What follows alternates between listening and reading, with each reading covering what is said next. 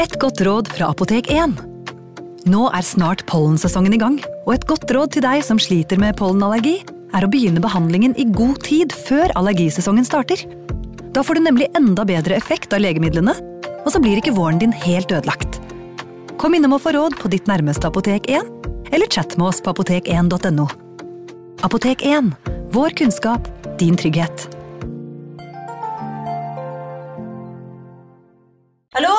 Jeg kommer fra Oslo politikammer. Ine Jansen er purk. Er du purk? The motherfucking bitch. Alt jeg vil, er å finne ut hva som skjedde med mannen min. Jon Carew. Er jeg sikta for noe? Iben Akeli. Det er du. Ole So, Lars Berrum og Big Daddy Karsten. Hvem sin side er du på, egentlig? Anette Hoff, Tone Danielsen, Kommer du fra Afrika?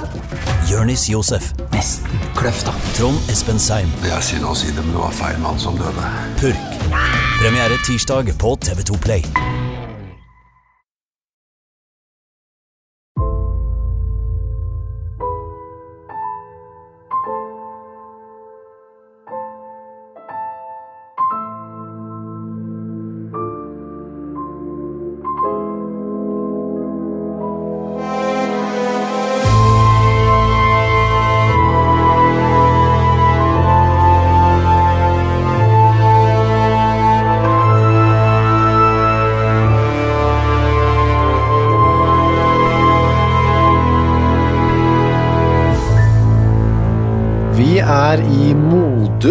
I Buskerud, altså litt eh, nord for Drammen.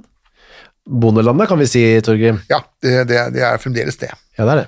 1796 er året, og Modum på den tiden, eh, det er bondelandet nå, ja. Eh, Det var gårder, så var det kanskje noen små sånne det var ikke noen Nei, det var tettsteder, det var ikke noe annet. Nei, det var gårder. Det var gårder. Og mellom disse gårdene gikk det i mars, på slutten av vinteren, da, Mm. tre personer. Uteliggere. Landstrykere. Lassiser. Ja.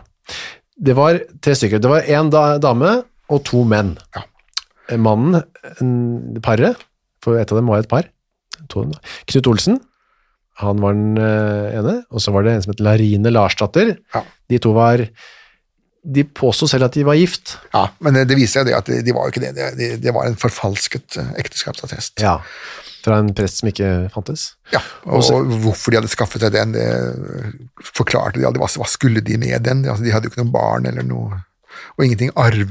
Det var ikke noe arv, eller ingen Nei. eide jo noe som helst. De ville kanskje gi inntrykk av å leve i ordnede former, da? Ja, eh, og er ikke det litt pussig? Altså, her var det jo to eh, fullstendig utblakkede lasaroner som allikevel ville ha denne lille borgerlige Ja. tilfredsstillelsen av at de, iallfall var eh, legitimt gift. Da. De to, han var 37, hun var 42. Eh, I tillegg var det da en som het Daniel, Ja, det var en fjern slektning av Larine, det. en fjern slektning, ja. Og en litt yngre. Litt yngre også, ja. Og de tre eh, gikk, altså får vi tro da, sammen fra gård til gård, som noen gjorde, banket på. Det var ikke uvanlig, det. Nei da. Det var, tiggerplagen har vært eh, i Norge i alle år. Så, så sent som i dag, når jeg gikk fra busstasjonen over til eh, Så satt en mann med koppen sin der. og det den gangen så gikk de rundt, fordi Ja. at det, det var så, Norge var jo så spett bebygget da. Ja, så sitte langs en vei, det, det var helt Nei, det var svelt i hæl. Ja. Du måtte bevege deg og gå fra gård til gård, og, og, gjerne over et stort område, så de, de fikk noen solide, såre føtter. Ja. Eh, For at det å sitte på Modum, da, da fikk du kanskje én skilling i uka, det, det døde du av da. Men var, når de banket på da, var det penger de ba om, eller var det mat? Nei, det var jo ikke penger blant folk, sånn at det, det, de, det, det første de ba om var jo husrom, Ja. og så ba de da om å få noe i posen. De hadde sånne poser, Nei. betlerposer. Å.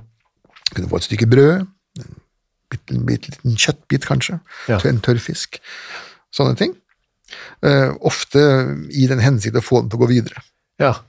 Uh, Noen av disse betlerne drev med det vi kan kalle for litt aggressiv markedsføring, og hvis ikke de fikk det de mm, mente de hadde krav på, så, så um, tilbød de seg å brenne huset, for Eh, På 1600-tallet så var det ikke uvanlig at eh, særlig kvinner da, som, som gikk og betlet, hvis ikke de fikk det de ville, så truet de med å sette vondt på altså Ja. ganne eller trolle på Kaste en forbannelse Ja. Og de ble jo ofte brent som hekser, hva de jo også var, da. på en måte. Ja, på en måte. Riktig, ja. Så man, men de skulle ikke, legge seg opp noen penger, de skulle bare få nok til å overleve, rett og slett. Fra dag til dag, ja. Ja. Fra dag til dag. Det var ikke noe, dette var folk uten fremtid. For de hadde ikke noe annet å finne på, de da. De hadde jo det, altså de kunne jo ta seg en jobb. Uh, han kunne jo uh, bli dagarbeider på en gård hvis han hadde gidda det, men Ja, for det kunne de. Ja, det kunne de, og han kunne dra til byen og finne på et eller annet uh, der. Han kunne til og med dra til sjøs. Eh, han kunne utvandret til Sverige. Altså, det var veldig mange ting han kunne ha gjort, men dette frie livet på landeveien, Ja, ja. lofferens uh, ubekymrede tilværelse uh, Hvis du husker den, den gamle skjærslipers forårssang, altså 'Nu lokker atter de lange veie', Ja. og jeg har flikket de gamle sko. Uh, Det var denne frie loffertilværelsen, da, uten forpliktelser og Jeg husker bare Rasmus Plofen, han var jo veldig lykkelig. Han Allan Edvald husker jeg der, eh, hatten sin og gikk bortover der og og var så happy at det. Ja da. Det, det, det, det, er jo idyllisert litt, da. Det var. Og det, var kanskje en, en ikke så verst tilværelse om sommeren, men det er klart vinteren i Norge som uteligger er jo et helvete. Ja, det er et helvete, ja. Her var det da, du gikk mot lysere tider i, ute, men inni dem så gikk det mot eh, mørkere tider, kan vi si. Ja, det var eh, driftsliv som er litt sånn uregjerlig, og som er like fritt som landeveiens eh, liv. Det møter av og til noen sperrer. Knut altså, var født i Norderhov, ikke så langt fra Modum, da, i Nei, det er rett i nærheten. det. Vi vet ikke så mye mer om han enn at han var 37 år gammel, konfirmert i 1777. Ja. Larine, eh, uvanlig navn i våre dager. ja, men det er ikke, ikke så veldig vanlig da heller. Nei, det var ikke denne. Nei. Um, de hadde altså et forhold. Og må vi tenke oss et romantisk forhold? Ja, romantisk og romantisk. Det var iallfall tydeligvis følelser involvert eh, fra hans side, da. Ja. Eh, Hun var nok litt mer av en shopper, ja. eh, og det var jo det som skar seg da. Og det som også utløste dette, var jo at Daniel, denne slektningen hennes, altså tredje hjul på vogna her, var eh, litt opptatt av Larine. Det, det var han, og om han var opptatt av henne spesielt, eller av et hvilket som helst kvinnemenneske, det er ikke så lett å si. Hun var jo den eneste som ville ha noe med henne å gjøre. da. Ja. Uteliggere sto jo ikke høyt i kurs på ekteskapsmarkedet den gangen heller. Heller.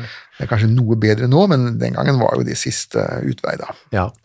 Og han, eh, man kan også tenke seg til at han har jo delt da sikkert eh, sengeleie med de opptil mange ganger. Ja, de lå jo sammen i disse lovene, da. Ja, og da var ikke de så bluferdige at de, liksom, at de levde ut sine kjønnsdrifter, mens han lå og måtte høre på og se på. Ja, det, det, det driver man med fremdeles i Ja. miljøet, har jeg Enkelte forstått. miljøer, ja. Ja. Det er ikke sikkert Daniel var så Han var nok keen på å prøve sjøl, kan man tenke seg til, da. Ja, han var jo yngre da. Ja. Hadde et liv, han òg, kjønnsliv. Ja da, ja da. Så det han forteller Larine da, på et tidspunkt, er at han har egentlig masse penger, han. Ja, han påstår at han har 100 spesidaler eh, som ligger på Kongsberg og venter på han. Det er en arv som han skal ha eh, fra en eller annen slektning. Eh, senere undersøkelser eh, utført av undertegnede viste at det var jo bare en bløff. Ja. For det hadde vært rart om han da skulle ja, Hvis han ikke var en sånn bohem, da, at han skulle loffe rundt. Ja, nei da, han, han var nok en, en bedrager, han også, på sitt vis, eh, som hadde nå lyst på å få seg et eh, kvinnelig bekjentskap av Ja. det mer intime slaget, og da, da må man jo lokke med noe, og, og han kunne da tydeligvis ikke lokke med verken sjarm eller eh, belevenhet eller et sted å bo eller noe som helst, så da hadde han jo funnet på 100 spesidaler da. Ja, og det vakte tydeligvis eh, Larines interesse. Penger er et afrodisiakum, ja. Ja. Er For oss alle, det. 18. mars 1796 så kommer det til et marked, jeg vet ikke helt hvor det markedet er, men et eller annet sted på Modum, da. Mm. Hvor vi vet fra før av at der, der blir det kjøpt og solgt, og ikke minst drukket. Absolutt. Og slåss. Og slåssing, ja. Ja. Og da går Larine bort til eh, Da krang- krangler Larine og eh, Knut. Og etter hvert så kommer Larine bort til Daniel og sier Daniel, der kan du høre hvordan han Knut er. Han sitter selv og røper at vi ikke er gift. Uaktet at vi har tester av prester å hjelpe oss fram med. Ja, sånn klossete etterligninger som de hadde lagd seg selv, ja. Eh, ja da, men eh, hva, hva, hvorfor går Larine bort og syter til Daniel? Ja, Hun hadde jo ingen andre å, å syte til, da. Så, men han, så det som, for de framstår da som å være gift, men som egentlig ikke er det, og det sier Knut her, og det syns Larine er dumt, Ja. og antyder at hun er interessert i et eh, bytte. Ja. Og Grunnen til at hun syns det er dumt at, at Knut sitter og sier dette i offentligheten, er jo dette med skamma, da. Altså, det, det var den lille biten av ærbarhet man hadde igjen. Man var iallfall gift, man drev ikke og drev med hor. Um, men så, så sitter jo han og sier at jo da, det er jo nettopp det de gjør, da. Du kunne ikke bare gifta seg, eller måtte man betale for det? eller? De måtte ikke betale for det, men du måtte finne en prest som var villig til å vie dem. Ja. Og denne presten han måtte da ha en attest fra to personer som vi i dag ville kalt for forlovere, Ja. men som den gangen ble kalt for sponsorer av en eller annen pussig grunn. ja. Men Iallfall de to sponsorene måtte være noe som presten kjente. Det var litt omstendig, Ja, det var litt dette her. jobb, ja. Eh, Slik at da måtte de i så tilfelle dra tilbake igjen til eh, Norderhov, hvor, eh, hvor Knut var ifra, og få en, en prest til å vie dem, og det satt litt inne, det. Vi kan jo vi kan jo røpe med en gang at hvis de hadde gjort det, så hadde kanskje historien helt, uh, endt Da kunne historien ha hendt litt annerledes, ja, men eh, de gjorde aldri det. De, de så vel ikke noe Når de kunne lage sin egen lille presteattest, så kunne det vel være like bra som den som presten lagde selv. Ja. De legger seg for natten etter dette markedsbesøket. Da ligger Larine og Knut sammen, som de pleier, og lar Daniel havne på en benk. Og da sier Larine til Daniel 'kom hit, kom hit'. Ja, Jeg har noe brød jeg vil dele med deg. ja, ja. ja. Hva er det hun vil da, egentlig? Eh, Hun vil vel egentlig at det er Daniel som skal dele med det lille brødet brød. han har, da. Så det er vel det der det går på. Det er brød, brød i hvert fall. Men eh, man omskriver jo gjerne litt, da. Ja, riktig. Det gjør man jo i dag også. Vil Ja. du komme og se på frimerkesamlingen min? Eller, Ja, riktig. Men da får da Knut lov i der, tenker jeg på. Det var litt rart at han skulle dele brød, eller han skulle dele brød, sitt med henne mens han lå der. Ja, det kan være, for nå har jo hun og Knut blitt skikkelig uvenner. Ja. Eh, Og, og da kunne det være at hun ville være litt offentlig for å strø salt i det såret, da. Som en sånn hevn da på hans Knut tar igjen på Knut, ja. Det kjenner vi igjen. 19. mars, lørdag, så 1796, så kommer de til Modum. Eh, sentrum, eller hva man skal kalle det. Jeg vet ikke hva helt hva det er. Men, Jeg tror ikke vi kan kalle det for sentrum, men, men iallfall i, i siviliserte områder, Ja. da, med bondegårder og jorder og Da går Larine vekk, for hun skal tigge på en gård, og da sier Daniel til eh, Knut, nå skal du høre, Larine eh, skal gjøre det slutt med deg og bli sammen med meg isteden. Ja. Og det er jo en bombe for stakkars Knut, da. ja. Og, men så sier han, det grunnen er at fordi eh, han vil jo ikke nevne dette med pengene og alt det der da. Han sier at grunnen er at Larine er forbanna fordi du i sin tid beskyldte henne for å være utro med en svensk skomaker. ja. Og dette kaster jo et lite lys over hvordan slags tilværelse disse tre hadde ført, da. med, Mm. Ja. eh, overnattinger og, eh, og tigging og så videre, og når man er en ung, i hvert fall ikke eldgammel kvinne, så er det jo andre måter å skaffe seg penger på, så det kan være at Larine hadde brukt den muligheten. Den svenske skomakerne? Det kan til og med tenkes at Knut hadde vært delaktig i det, det det som vi i våre dager kaller for en sutenør, eller en alfons. Altså. Ja. Alt, alle disse mulighetene er jo til stede, da. Eh, Daniel sier selv, men jeg sa til henne, nei, bli, til Knut, bli hos Knut, ikke gjør det slutt. Sier dette, sier Daniel til Knut. Ja. Eh, Men da hadde hun sagt, jeg vil bare gå med Knut så langt som brød bakes. ja det er pussig uttrykk. Hva betyr, altså, Ja, så, så, altså, et par timer liksom? da? Ja, tar det så lang tid, da? En time, da. 45 Skal vi heve også? da? Ja, det skal heve, ja, skal heves også, ja. Men hvis du tenker på flatbrød, så er det jo fem minutter. Ja, men det er ikke lenge da. Uansett så er det ikke så veldig mye lenger Nei, det er, solen går ikke opp og ned. Nei. Og brød, men brød er en referanse her. Man bruker brød mye. Ja, og det, det, det som kan tenkes er at hun snakker om surdeigsbrød, da. Da, da. da snakker vi om et par dager Ja, på hevingen. maks. Ja. Så, men Larine kommer tilbake fra bondegården, da. hun har vært og tigget. Hun er rasende her. Hvorfor Ja. er hun så rasende? Har fått nei da, sikkert, eller? Eh, Hun kan være rasende fordi at hun mener at nå må, det, nå må hun bryte med Knut, nå skal hun gå over til Daniel. Eh, Og på samme måte som veldig mange andre av de som vi har vært borti her, så, så bygger man opp i seg eh, et slags raseri og hat som kanskje ikke var der i utgangspunktet, hvis du husker Valin for eksempel, Ja, som skal rettferdiggjøre det du nå har tenkt å gjøre. riktig. Samvittigheten din sier at du har tenkt å gjøre noe som egentlig er galt. Eh, Så må du rettferdiggjøre for deg selv. Ja, men jeg er ikke et sånt menneske, så det er den andres skyld. Så bygger man seg opp i sånn hysterisk raseri, da. Hun sier i hvert fall at hun er så harm at hun var tilfreds hvis hun lå på bunnen av elven. Ja. Så begynner hun å krangle med Daniel om et eller annet, og da skjønner Knut uh, shit, nå er jeg ute av spillet. Ja. Larine og Daniel trekker seg unna, og da sier Larine at nå tror jeg det er best at våre veier skilles. Knut, du går din vei, og vi, dette nye paret her, vi går vår, en annen vei. Ja. Men da sier Daniel nei, la oss gå sammen. Ja. ja. Hvorfor sier han det, tro? Eh, han mener vel at eh, hvis de er tre stykker, så er det større sannsynlighet for eh, å tjene penger, eller, tjene for mat. da. Ja. Altså Tre som tigger sammen, så kan de gå på et sted, så går du dit, og så går du dit, så går du dit. Mm. Så kommer vi tilbake, og så samler vi det vi har fått tak i. Så Én mann som tigger, får jo bare det han selv får tak i. Eh, så jeg tror han, det var mer økonomiske ting, da. Altså. Ikke økonomisk, kanskje, men matmessig, da. Ja, kan tenke oss at det kan være det. Eller at han syns Knut var en eh, kul type, da. Hadde man lyst til å være mer sammen med. Dette vet vi ikke. Vi vet ikke det. Hei. Natten eh, forløp eh, rolig der, da. Knut eh, sov litt sånn unna de andre. Men så, eh, søndag 20. mars så 1796, da kom vi til en låve, som Ja. jeg mange ganger før har vært innom. Ja. På låven skjedde det mye. Ja, på låven, det var ikke bare nissen som satt der, det var det ganske mange andre som befant seg da, og det var der uteliggerne også ble innlosjert. Ja, hvis ikke husbonden lå der, da, men da kunne Ja. de ligge sammen, kanskje alle sammen. da. Eh, Jeg tror kanskje at husbonden da hadde flytta inn. Ja, Eh, For det var noe med hvem vil du eh, ligge sammen med, og, og tross alt, eh, selveiende bønder så jo på uteliggere som pakk. ja. Og og det, det var nedverdigende å måtte dele seng med dem, men låven kunne de ligge på, for der bodde jo tross alt eh, hesten eller kua. Eh, De kunne også få ligge i grisebingen hvis de ville, og så tok da husbonden avstand fra dem. ja vel. Det er, alltid, det er veldig viktig å markere sin egen sosiale sitt eget sosiale sjikt ved å finne noen som er eh, under deg, og, og behandle dem deretter. Det er spennende om morgenen der, da, så hvis du står opp og går i låven og ser er det noen, ligger det noe her, eller er- lever de, er de døde? Alt Ja. kunne skje. Nei da, av og til så var de jo døde. Ja, det var det. Sånn gikk det dessverre her òg, da. Vi kan eh, spoile ved å si det allerede nå. Eh, Nå legger de seg på en låve, eh, og der ligger Larine og Daniel et sted, og så ligger Knut veldig nærme. Ja.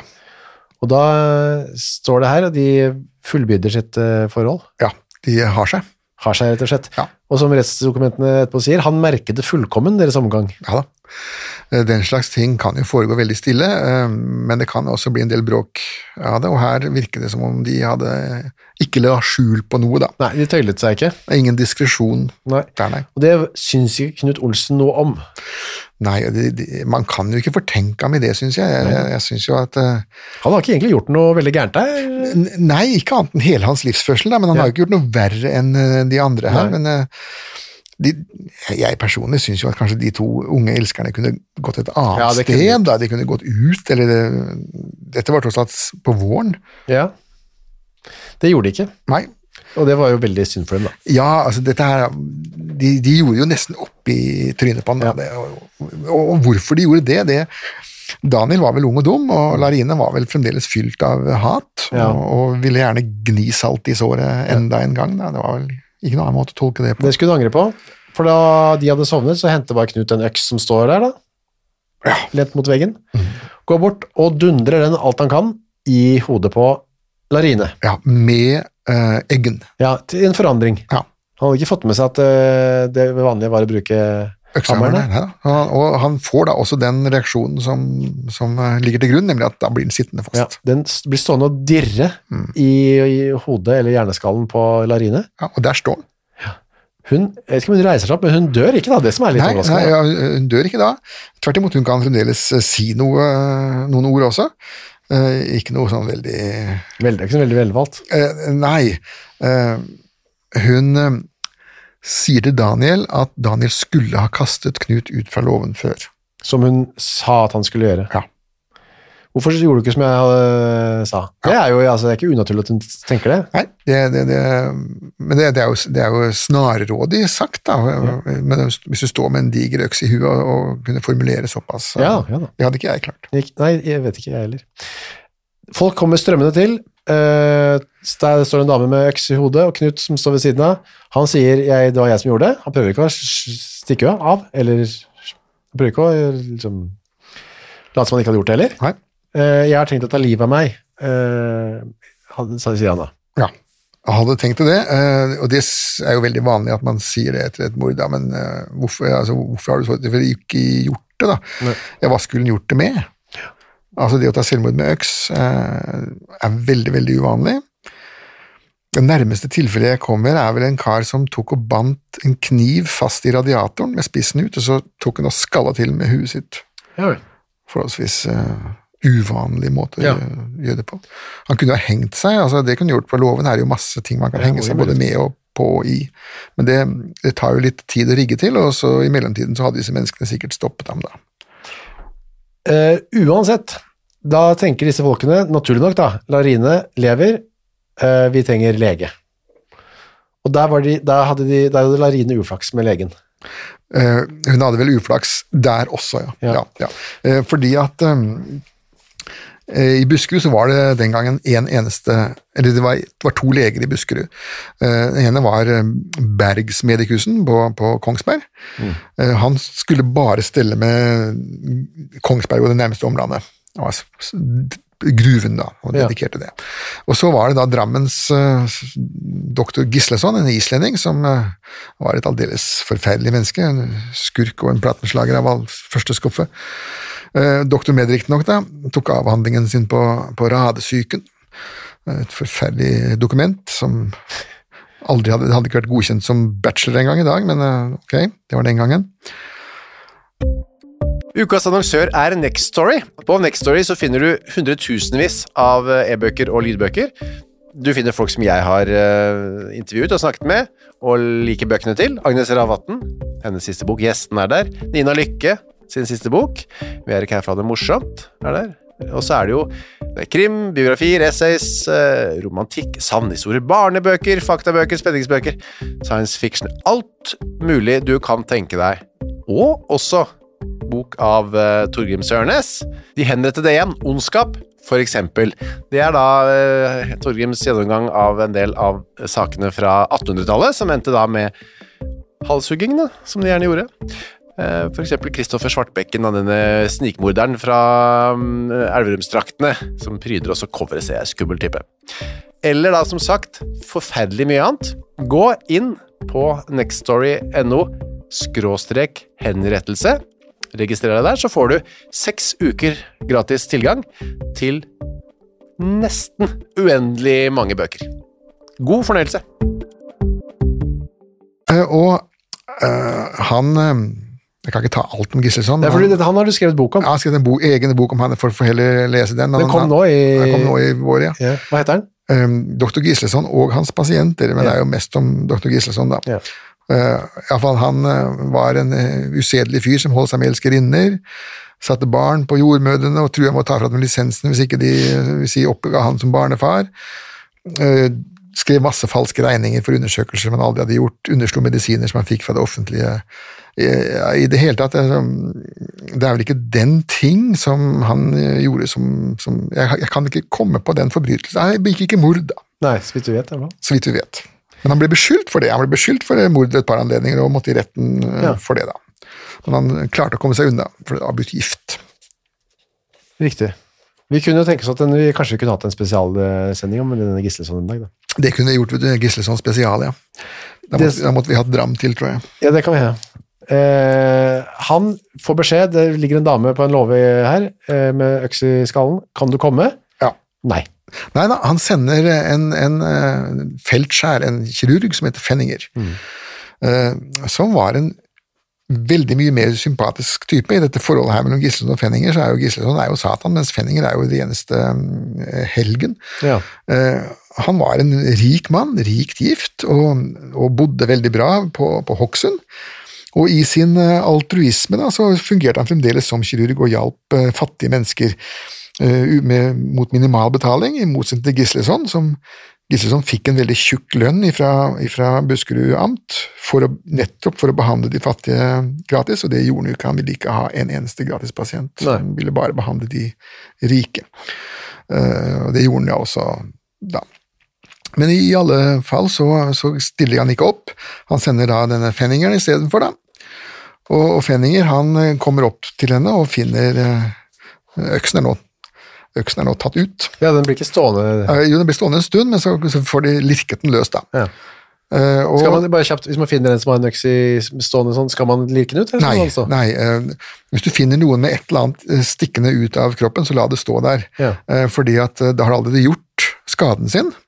Så drar du det ut igjen, så kan du risikere bare å gjøre skaden verre. Det tyter noe ut som ikke skulle vært ute. For eksempel, ja. Eller et blodkar som den står i, hvis du drar den ut igjen, så begynner det å, å sprute. Så, så la ting stå. Men det de gjorde, da, disse bøndene på, bøndene på Modum, de dro ut øksa, og så smurte de inn dette såret i Larines hode med en blanding av kvae og smør. Eh, sånn at det ble tetta igjen det hullet hun hadde i huet da. Gjelder det rådet fremdeles, eller? Nei, det, det, men det gjaldt ikke da heller. Nei. Altså, Fenninger kom til og syntes jo dette var aldeles uh, horribelt, så han måtte jo hakke løs denne stivnede kvaen igjen da, eh, fra huet, og så da inn i et digert eh, høl, og biter av skallen til Arine datt nå inn, i, inn i, på hjernemassen hennes. Eh, Og han la på en ny forbinding og, og brukte da noe som heter oksyerat, som rett og slett er eddiksyre, som skulle da holde det rent og hindre at det ble infisert. Larine er fremdeles i live her. Hun er i live og kan eh, ikke si så veldig mye annet enn ja eller nei. Ja. Eh, de første timene. Etter hvert så kan hun ikke si det heller. Hun kan bare si lyder. Men altså, ja, det utrolige her er at hun lever da en uke etter at dette har skjedd. Ja, og, det er, det er en utrolig ting, eh, men det gjorde man av og til. Hvis du får en øks eh, inn i huet på den måten der, og på 1700-tallet, så ville du til slutt dø. Eh, Men det kunne ta en stund. Ja. Det kunne absolutt ta en stund. Men, men hun ble jo dårligere og dårligere. Hun tilga Knut Olsen, står det her. Det må hun ha gjort ganske tidlig, da. Ja, Når, ja, mens det var noe igjen.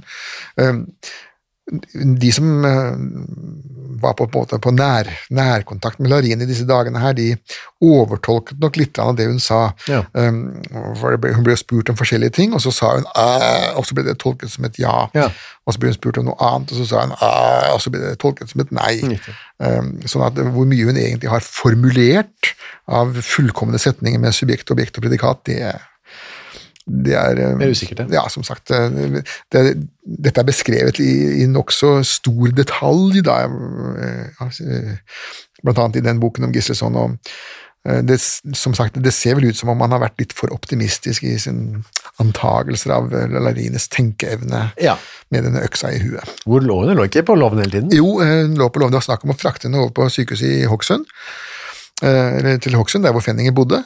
Eh, Men Henninger mente at hun ville, hun ville ikke overleve transporten. Nei.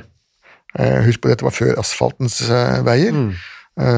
sånn at den humpingen og ristingen på en åpen kjerre mente Fenninger sannsynligvis ville ta livet av henne Ja. før øksa gjorde det. Så han, han dro heller frem og tilbake fra sitt hus i Hokksund og opp til Modum og tilbake en re, red på sin hest. da, og var veldig oppofrende. Var der, var der bortimot daglig og så til henne og spurte hvordan det gikk, og for, forskrev bandasjer og medisiner. Og.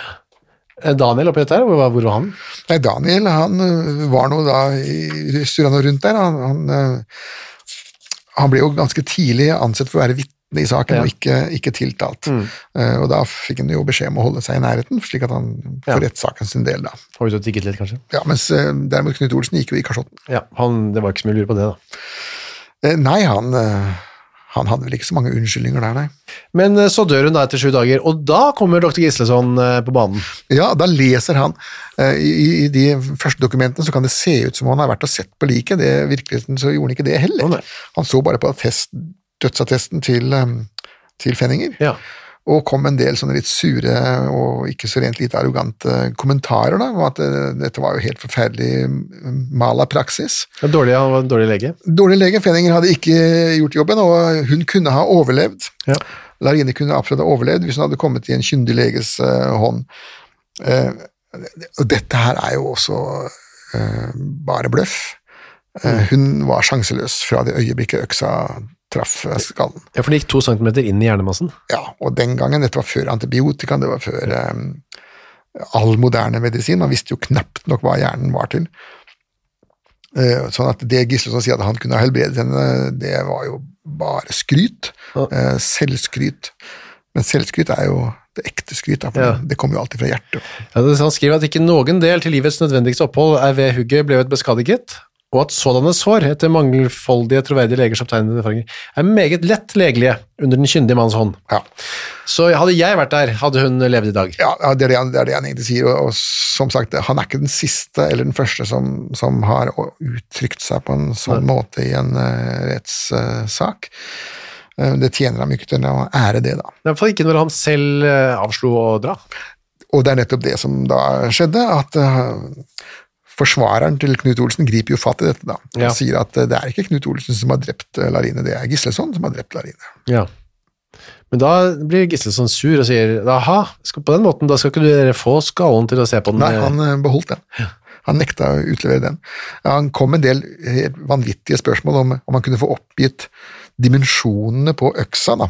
slik at han kunne målt hølene i huet på Larine og så sett om det passa. Videre, han fikk jo det, da, og da skriver han vel et eller annet sted om at eh, han antar at øksen har kommet inn med hjørnet på eggen, da, og så, og det hadde jo ingen som helst eh, betydning. Altså, det var jo bare flisespikkeri av en annen skuffe.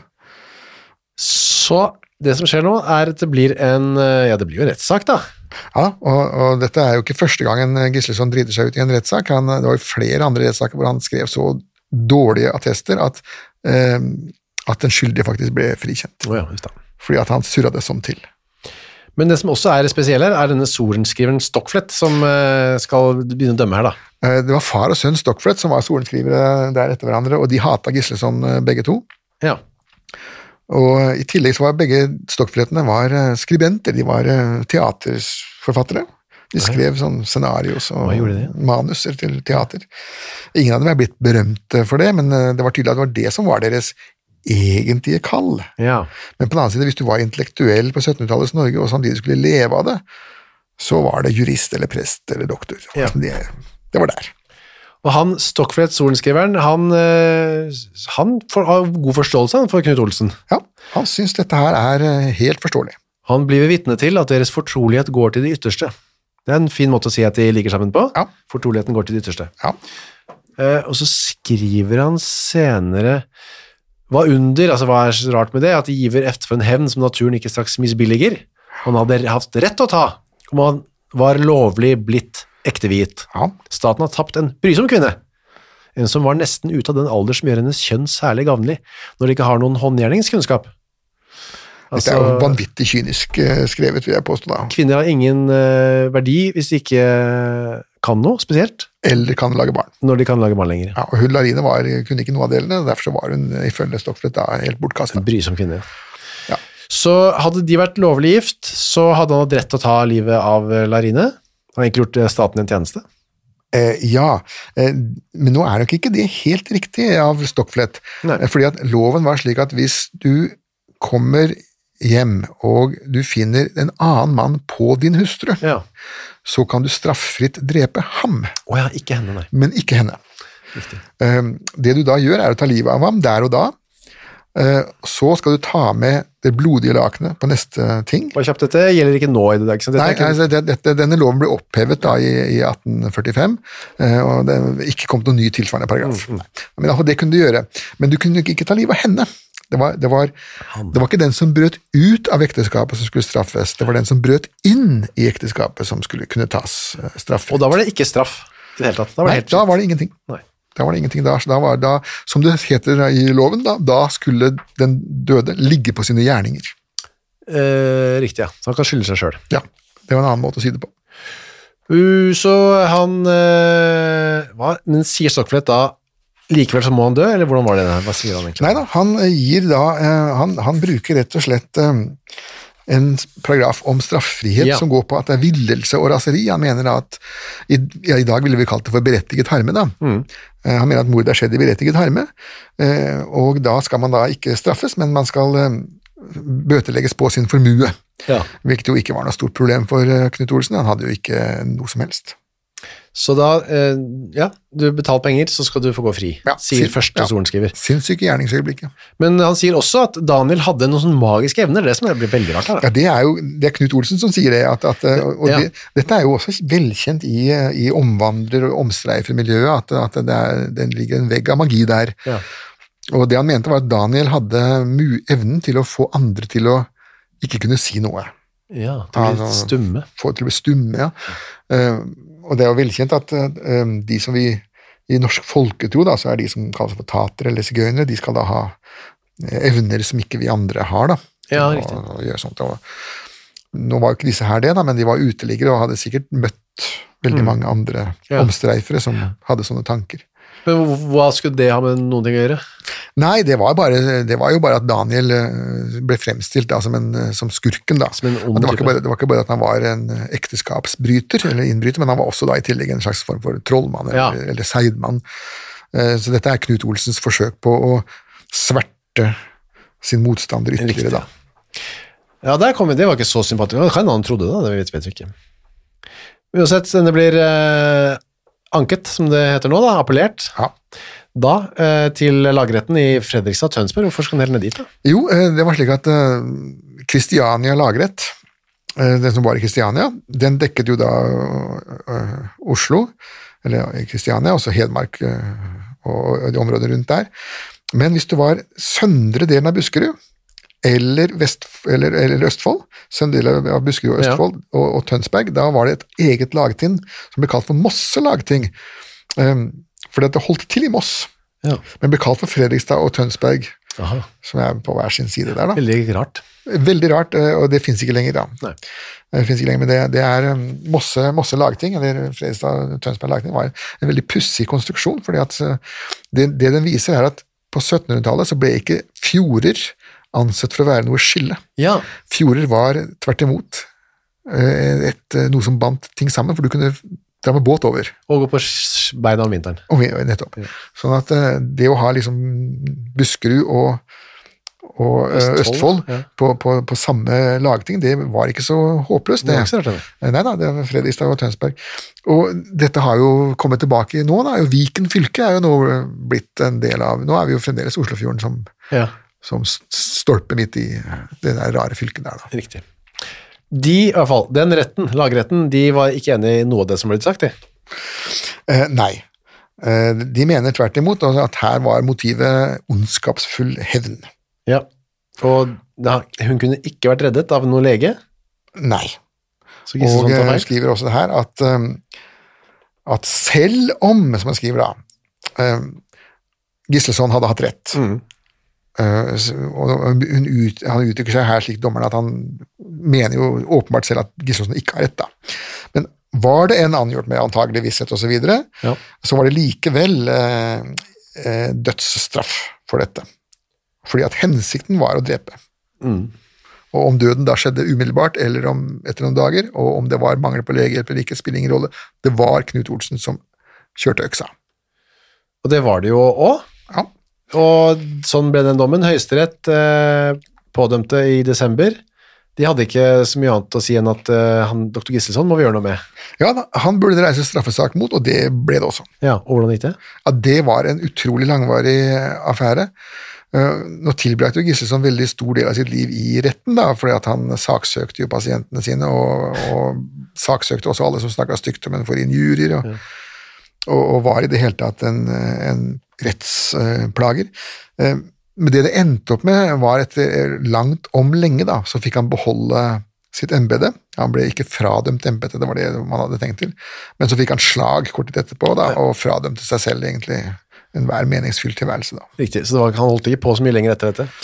Nei, du vet, et langt liv med fyll og hor og spetakkel eh, krever sitt. Ja, det tar en tar Han var, han var jo alkis, eh, og, han, og, og han er jo beskrevet at han holdt jo fylleorger gående i 14 dager i strekk uten pause. 14 dager. Ja, og det er klart at eh, det, det tar litt av eh, fysiognomien. Altså. Det, Ja, det, vi, får, vi får glede oss i den um, spesialen med han. Gisleson. ja. Det som skjer i denne saken, er at uh, fogden skriver til Ledel, vår gamle venn Ledel, og dette er da hvilken av dem? Dette er Frans Gottschalk. Ja. eh, Dette er Frans Gottschalk Ledel. Han, han, var fra-? Han var både far og sønn til Anton, altså det, Ja. eh, August. Hans far hadde dødd da i, i 1749, og da hadde Frans Gottschalk Han var da en ung mann, absolutt. Han hadde overtatt uh, jobben og reiste masse rundt der og, og hogde hodet av folk, og pisket dem og brennemerket dem og, og hengte, hengte folk også. Dette var en av hans letteste, letteste jobber. Men eh, ja, halshuggingen, ja. Ja, for han, han hadde også en tabbe tidlig i sin karriere hvor han ikke fikk av et hode.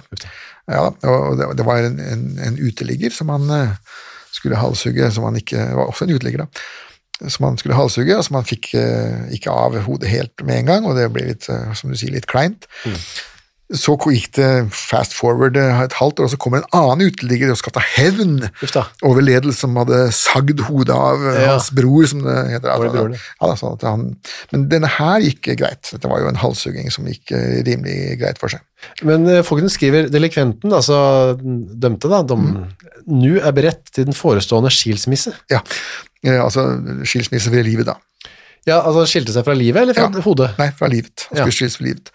Um, og dette at han var beredt, det gikk på det at um, det sto også i lov og i, også i kirkeforordningen av 1685 at den dødsdømte skulle, etter at dommen var falt, besøkes ideligen og flittig i fengselet av prestene, Ja. som skulle forberede ham til det evige liv.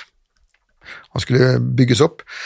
Eh, noe av hensikten var jo at han skulle ha en viss sjanse til når han skulle møte Jesus der oppe, da. men en annen poeng med det var jo også at eh, de ville at selve henrettelsen skulle foregå verdig og stille og rolig. at det skulle, Han skulle ikke lage noe bøss på. Skrike og Nei, det, det skjedde av og til at de gjorde det, men da var det dårlig forberedt. Ja, riktig. Ja. Så da var han klar, og det, sånn gikk det òg? Ja da, han eh, gikk det, og han eh, ble halshugget og begravet, og borte er han, og borte ble han, og skallen til Larine har vi heller aldri funnet. Nei. Um, om Gisleson malte den opp til pulver og brukte den til medisiner, eller om han hadde den på skrivebordet sitt. eh, Eller om det står et eller annet sted. Nei, han fikk en, Gislason fikk en brev eh, fra, fra eh, amtmannen om at han måtte se å få den der skallen begravd i bakken. Den hadde ikke noe eh, over jorda å gjøre. Men Og- han, han gjorde det, det vet jeg ikke. Og Daniel, hvordan gikk det med han? Det vet vi heller. Daniel han vandret, eh, vandret bare videre, lykkelig på syndens vei. Ja, ut Han gikk den brede vei, han. inn i historiens Ja da, fortsatte der. Takk for uh, denne lille Solskinnshistorien, Torgrim. Jo, vær så god.